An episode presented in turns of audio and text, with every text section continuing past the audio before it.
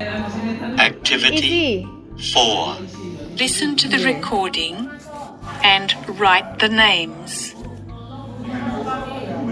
My friends call me Tanya. I have a triangular face with medium length straight hair and am of average height.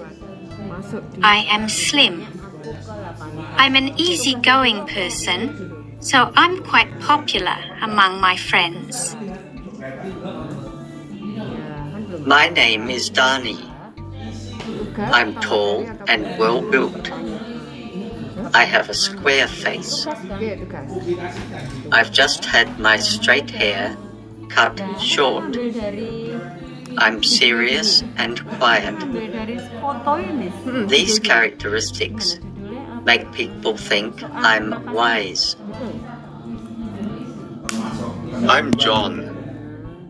I have an oval face. I'm bald, but I have a moustache.